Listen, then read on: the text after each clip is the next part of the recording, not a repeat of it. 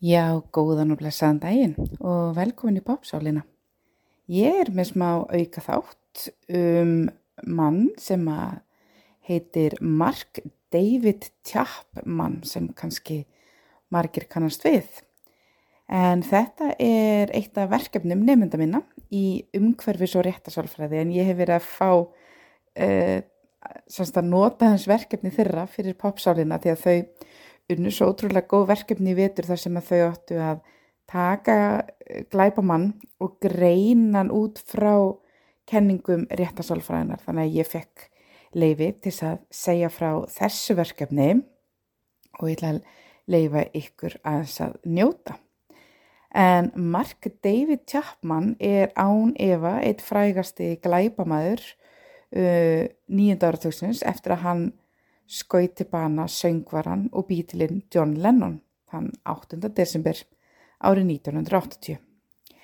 En Mark David Chapman fættist þann 10. mæ árið 1955 í Texas í bandaríkjanum og hann var svona, já, átti svona kannski frekar skrautlega æsku, það var talað um það sá ég á netinu að hann hérna átti að til að vera með einhverjum svona sínir og heyra rattir og það svona var fylstaðans með honum þegar hann var krakki. Og þegar hann var nýjára þá fór hann í svona testi á sálfræðingum og þá var grindavísitalan skoðuð og þá mæltist hún 121 sem er vel yfir meðaltali grindavísi eh, meðaltali sem sagt barna þessum aldri sem er oftast í bara í kringum 100 uh, eh, og þetta þótti nefnda mínum frekar áhugavert af því að í bíomundum og þáttum þá er oft algengt að, að glæpa menn séu málaðar sem svona einhverjir eh, snillingar, einhverjum vondir snillingar. En í raunveruleikanum þá hefur verið miklu meira ábyrjandi svona önnur hugmynd eða mýta um að allir glæpa menn séu með lægri greind um, en raunin er raunin svo að, að greind glæpa manna er all, bara alls konar en algeng ástæða fyrir þessari mýtu um að glæpamenn hafi lægri greindir vegna þess að glæpir á mörgum toga er oft svona í hverfum þar sem er meiri fátækt og þar sem fólk á í erfileikum svona svo kallum gettós og þar með hafa þessi einstaklingar þú veist að þau eru búið svona fátækara hverfum mögulega ekki eins gott aðgengi að mentun eða eins mörg úrræði. Þannig að þar sem að kannski hýfir greindavísutöluna upp í ríkari samfélagum er bara harra mentunastig. Þannig það er oftast þessu umhverfisþættir og samfélagslegi þættir sem virðast tengja sklæpum uh, miklu frekar heldur en erða þetta er eins og greind. Um, og rannsók frá hannu 2010, hún reyndar síndi sterk tengsl millir greindar og glæpa þegar fylki í bandaríkunum voru skoður, skoðuð og svipaði niðurstur hafa fengist þegar heilu löndin eru skoðuð og þá er, er þess að tengslinn í þá áttina því lægri sem greindin er að meðaltali því harri tíðni glæpa. En hér sem sagt, já sem sagt að fólk sem býr á stað með fleiri óbeldi sandumál þeir greinast með lægri greindavísutölu. En hér þarf þú bara aftur að hafa í huga að svona niðurstur það segja mjög lítið til um orsakasamband milli glæpahæðunar einstaklings og læri grindavísutölu. Hér, er, hér eru þessi samfélagslega þættir einnig að spila inn í þetta með fátæktina og, og farri tækifæri til mentunar. Og einnig er nú verðt að nefna að möguleg skýring á læri grindavísutölu meðal glæpamanna e, er bara vegna þess að þeir glæpamann sem eru með harri grindavísutölu þeir hafa bara ekki náðst. Þannig í rauninni þessi mýta um að, að, að glæpamenn sem er lægri grein það er svona hægt að, að reykja hana mestu leiti. Þetta fannst nefnda mínum áhugavert að nefna í tengslu við Mark David Chapman að því hann greinist þarna sem krakki með frekar háa greind sem var bara frekar sérstakt. En já, aftur að Mark, sem sagt, morðingja John Lennon. Um, þegar maður skoðar svolítið söguna hans og, og úlingsárin eða svona æskuna þá sér maður að hann átti hérna svolítið erfitt og uppliði svona deburð og, og pappans var vist lítið til staðar þannig að það virðist verið svona mark hafi verið í einhverju svona takmörkuðu sambandi við pappa sinn. Og setna meir þá átti mark einnig erfitt, sagt, átti hann í erfiðu sambandi við móður sína en mark var farin að neyta výmöfna, bara alls konar výmöfna á þessum tímapunkti og móður hans var vist mjög ósátt við það þannig það svona slitnaði upp úr sambandi þeirra. Um, þannig ef við höfum í hugað erfið samskiptu fóreldra um, þá má alveg skoða kenningar innan sálfræðinar um það að einhvers konar vanrakslega ofbeldi í æsku eða tilfinningarlega vandamáli á æsku geti ítt undir þróun glæpahæðunar þannig að það gæti mögulega átt við í, í dæminu hans að því að margar ansóknir hafa sínt fram að það að erfið æska er tengd við lang, langvarandi glæpahægðun og einni hafa rannsóknir sínt að erfi æska getur haft áhrif bara á heila þroska barna. Og þá sérstaklega þau svæði heilanu sem að stjórna árásagirni. Þannig að svona styrð samskipti við fóreldra gætu mögulega flokkast undir erfið æsku og gæti þá þannig haft áhrif á líðan og hegðun uh, margs og eins og uh, sjá má þegar það lesir til um marka þá var hann að glíma við alls konar tilfinningavanda eins og þunglindi. Og snemma á tvítugsaldri þá fór þunglindi marks að vesna og hann reyndi að lókum að taka sitt eigi líf. En tilraunin tókst ekki og hann var fluttur á spítala og fekk þar viðegandi meðferð við þunglindinu.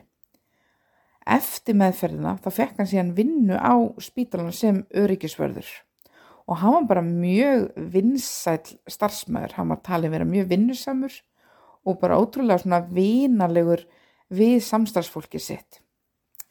Um, þeir sem hafa áhuga að rannsaka svona tengsl ólíkra personuleika uh, og morðingja, þeir velta oft fyrir sér hvort að morðingjar hafa verið innkverfir eða útkverfir, útkverfir og eru semst að skoða svona personuleikan uh, og þá má segja að mark hafi verið svona frekar útkverfur, frekar heldur en innkverfur og sálfræðingurinn Æseng hann setti fram kenningu um persónleika fólks og tengdi það við afbrótafræði og svo kenning segir að fólk getur skora svona mishátt á þremur þáttum í tengstu við persónleikan.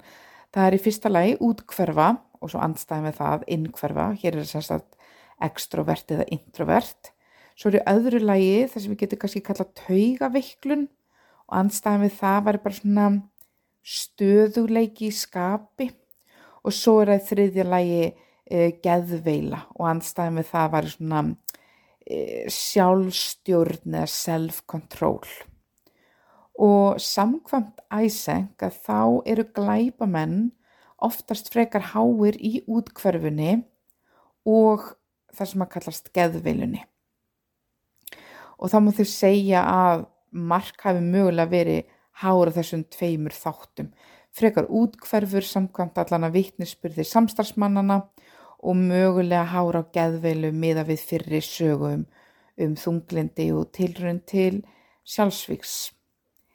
Um, einni hafa svona vittnisspurðir annara setna uh, svona sem að tengjast honum eins og til dæmis sálfræðinga og fyrrum konu hans verið á það leið að það hafi þarna eitthvað verið að konarnas talaði til dæmis um hann hafi verið mjög stjórnsamur og mjög svona toxic eða svona eitraður. En annað sem er ótrúlega áhugavert að nefna í tengslu við morð uh, Marx á John Lennon og þessu svona afbróta hegðun hans og er eitt af því sem er svolítið uh, einstakt við sögum Marx er dyrkun hans á bók sem heitir The Catcher in the Rye eftir J.T. Salinger sem margir eflis kannast við. En Mark var gjörsamlega hillaður af aðal personu bókarinnar sem eh, heitir Holden Caulfield og Mark virðist hafa tengt einhvern veginn uh, hug, hugmyndir Holden og svona hugssjónir um, um heiminn og það hvernig einhvern veginn flest annað fólk í umhverfinn séu bara svona falskir einstaklingar eða hræstnarar eða fávitar. Hann er hann fylgdi alveg þarna einhverju lífsspeki sem hann finnur í þessari bók uh, The Catcher in the Rye. Og annað sem var svona sérstaklega líka við söguna er að hann var náttúrulega mikill býtla aðdáðandi og svona allur hans fókus og aðtekli var á býtlunum en með áránum þá fór aðdáðan hans á hljómsutinni að verða meira svona love-hate relationship uh, hann fór að taka eftir því hvað býtlarnir voru að segja í, í tekstunum og, hérna, og fór að finnast í rauninni þeir vera svolítið hræstnarar til dæmis uh, í læginu Imagine þar sem er verið að miðla því að fólk ætti ekki að hafa uh, eitthvað svona miklar eignir og eitthvað meðan þeir í bílanu sjálfur áttu síðan mm, þýlikt uh, þýlikt mikið af peningum og, og upplöfu miklu fræð en ok þá er komið að sagt, morðinu sjálfu.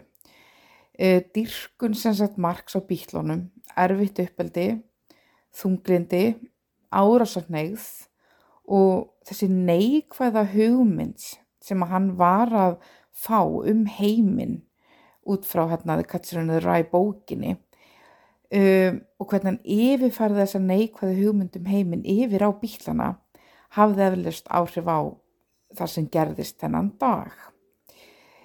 Og uh, já, þannig að hérna hann í rauninni fyrir þarna að plana það að drepa John Lennon. Það voru líka ummæli Lennons um að sagt, bílarni væri vinsallin Jésu sem hefðu ykkur skonar áhrif á þessa ákvörðun líka. Mark sjálfur var fyrir eitthvað kristinn og, og ólst upp við svona kristileg gildi hann er þetta stuðaðan líka alveg gríðilega mikið og hann planaði morðið á John Lennon í einhver tíma áður hann letil skara skrýða. En Mark ferðaðist sem sagt þennan dag til New York og bara fyldist með hótelið sem að John Lennon átt að gista í sem að heitir Dakota hótelið. Á meðan hann var bara að fylgjast með ferðum John Lennon þá kipta hann sér eintaka af bókinni The Catcher in the Rye og merti inn í hana til Holden Caulfield frá Holden Caulfield og skrifaði síðan inn í hana This með stórun stöðum is my statement.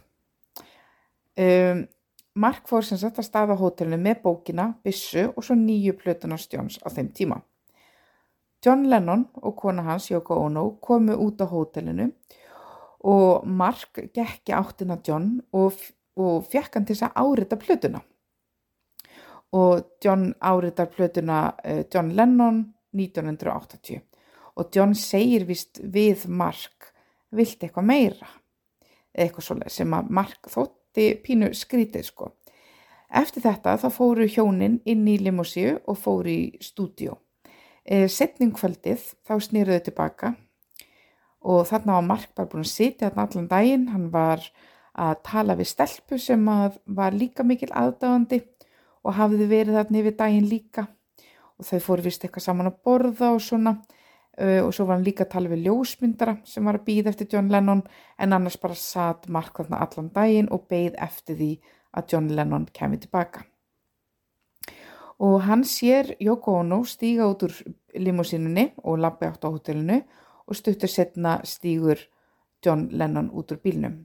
Og Mark segir að John Lennon hafi séðan og eflust kannast við hann aftur en gengur rauninu bara fram hjá hann og Mark skýtur þá John Lennon held ég bara hreinlega í bakið fjórum sinnum Jóko hún hleypur í skjól en síðan þegar hættur að skjóta þá hleypur hún tilbaka og, og í rauninni fellur þarna yfir manni sinn og, og heldur utanum hann og, og byrja bara að öskra og Já, þetta gerast svolítið svona hratt. Öryggisvörður úr, uh, af hótelinu hleypur út og, og næri einhvern veginn að lemja bissuna úr höndum marks og markirunni veit ekkert hvað hann á að gera. Hann bara sest þetta niður og les áfram í bókinni Catcher in the Rye og er henni bara beigð eftir að vera handtikinn.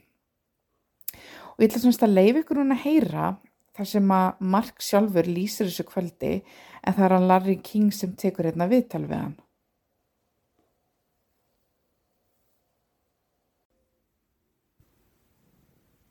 Welcome back to Larry King Live with Mark David Chapman. Mark, will you relive with us those uh, terrible moments for you, for the world, for a lot of people uh, around and in circles close to John Lennon? What happened that night? Well, if you want to pick it up from the night, um, I was standing there with a gun in my pocket. Knew you were going to shoot him? So, sorry? Knew you were going to shoot him? Absolutely. Okay. Tried not to, praying not to, but knowing down deep it was probably going to come to that. Did you know it would be that night? Did you know you would see him again? Yes, I knew that morning, oddly, when I left the hotel, I, I some type of premonition that this was the last time I was going to leave my hotel room. I hadn't seen him up to that point. That's what makes it interesting. I wasn't even sure he was in the building. And then uh, I left the hotel room, bought a copy of The Catcher in the Rye, signed it to Holden Caulfield from Holden Caulfield, and wrote underneath that, This is my statement, underlining the word this, the emphasis on the word this. I had planned not to say anything after the shooting. Walked uh, briskly up Central Park West to 72nd Street and began milling around there with the fans that were there, Jude and Jerry, and uh, later a photographer that came there. Okay. I, uh, and then John came out that day, right? he came out, I was uh, leaning against the uh, gargoyle studded railing and uh, was looking down. I was reading The Catcher in the Rye, and uh, I believe he got into a taxi and disappeared. And then uh, later that day, uh, I had gone to lunch with, I believe, Jude. We came back With who? with Jude. She was a fan there that uh Uh-huh. was there at the building. And uh, we struck up a conversation about Hawaii, about John Lennon. She'd been there a number of times. And at one point during the day, um, she had left, and uh, John came back out. I don't remember him going back in from the taxi, but he was obviously back in the building. He was doing a, an RKO radio special. And he came out of the building, and the photographer that I mentioned earlier, Paul Gorish, he kind of pushed me forward and said, Here's your chance. You know, you've been waiting all day. You've come from Hawaii to have him sign your album. Go, go. And I was very nervous. And I, I was right in front of John Lennon there instantly. And I had a black Bic pen. And I said, John, would you sign my album? And he said, sure. Yoko went and got into the car. And he pushed the button on the pen and started to get it to write. It's a little uh, hard to get to write at first. And then he wrote his name, John Lennon, and then underneath that, 1980. And he looked at me, as I mentioned earlier, he said, Is that all? Do you want anything else? And I felt uh, then and now that he knew something subconsciously that he was looking into the eyes of the person that was going to kill him. How do you, why do you think that? Well, his wife was in the car, the door was open, and he's a busy man. He's going to go to a radio uh, or to his record studio, and he's talking to a nobody, just sign an album for a nobody. And he's asking me, is that all I want? I mean, he's given me the autograph. I don't have a camera on me. What could I give him? I would admit that is a strange thing to say. All right, so he leaves. Yes, he leaves. Now, what do you do the rest of the day? I stand around uh, like an idiot waiting for him to come back. And what time did he come back? He came back about 10 to 11 at night. Had you eaten dinner? No, I had not. Fear you might have missed him? Probably. Knew you were going to shoot him. Yes. How did that happen? What happened? Well, the photographer left. I, in all fairness, I have to say I tried to get him to stay. Uh, there were Because? there were those that felt that I wanted him to shoot pictures of the shooting, which is not true. Why then did you want him to I, stay? I wanted him to stay because I wanted out of there. There was a part, a great part of me that, that didn't want to be there. I, I asked Jude, the fan, before she left for a date that night. She said no. If she'd have said yes, I would have been on the date with her. But you might have killed him the next day. I, oh yes, Yeah, I would have probably come back. The circumstances of the killing, what happened? I was sitting at the inside of the arch of the Dakota building, and it was dark. It was windy. Jose, the doorman, was out uh, along the sidewalk. And here's another odd thing that happened. I was at an angle where I could see Central Park West and 72nd, and I see this limousine pull up. And as you know, there's probably hundreds of limousines that turn up uh, Central Park West in the evening. But I knew that was his. And I said, This is it. And I stood up. The limousine pulled up. The door opened. The rear left door opened. Yoko got out. John was far behind, say 20 feet, when he got out. I nodded to Yoko when she walked by me. She nodded back? No, she didn't. Um, and I don't mean to be so clinical about this, but I've told it a number of times. I hope you understand. John came out, and he looked at me, and, and I think he recognized here's the fellow that I signed the album earlier. And uh, he walked past me. I took five steps toward the street, turned, withdrew my Charter Arms 38, and fired five shots into his back. What, uh, had you shot that weapon before? That weapon, no. Um, I didn't even know if the bullets were going to work. And when they worked, I remember thinking, they're working, they're working. I was worried that the plane in the baggage compartment, the humidity had ruined them. And I remember thinking, they're working. what did Yoko do? She naturally, and I can't blame her, she dashed around the stair area. I don't know if it's still there at the Dakota today, but she just, you know, ran for cover, which is what anyone would do. John, uh, according to, to what I've been told, stumbled up the stairs, and then I saw her come back around and then go up to the stairs, and then she cradled his body. Did he, did she scream? I don't think she screamed, but a few minutes after that, there was a, just a blood curdling scream from someone, and it put the hair on the back of my neck straight up. Were you, uh, relieved? No, I. What happened was I was in a. What happened before the shooting, before I pulled the trigger, and after were two different uh, scenes in my mind. Before everything was like dead calm, and I was uh, ready for this to happen. I even heard a voice, my own, inside of me say, "Do it, do it, do it." You know, here we go. And then afterwards, it was like the film strip broke. I fell in upon myself. I, I like went into a state of shock. I stood there with the gun hanging limply down on my right side, and Jose the doorman came over, and he's crying, and he's grabbing my arm, and he's shaking my arm, and he shook the gun right out of my hand, which is a very brave thing to do to an armed person. And he kicked the gun across the, the pavement, and had somebody take it away. And I was just, I was stunned. I didn't know what to do. I took the catch in the rye out of my pocket. I paced. I tried to read it. I, I just couldn't wait, Larry, until those police got there. I was just devastated. En ok, þannig að við erum aðeins búin að fara yfir það svona hvernig aðdragandin var að þessu. Hann e, fær þarna, er komið með einhver svona neikvar hugmyndur um heiminn sem mögulega verða til út frá uppeldi í bland við einhvers konar dyrkun hans á þessari bók The Catcher in the Rye. Hann yfirfæri þessar neikvæði hugmyndur um heiminn yfir á bítlana. Finnst þeir vera algjörir hrastnarar að tala um frið og eitthvað svoleiðis þegar þeir eru sjálfur orðnir e, moldríkir. Og eitthvað bara snappar, eitthvað bara í hausnum hans snappar.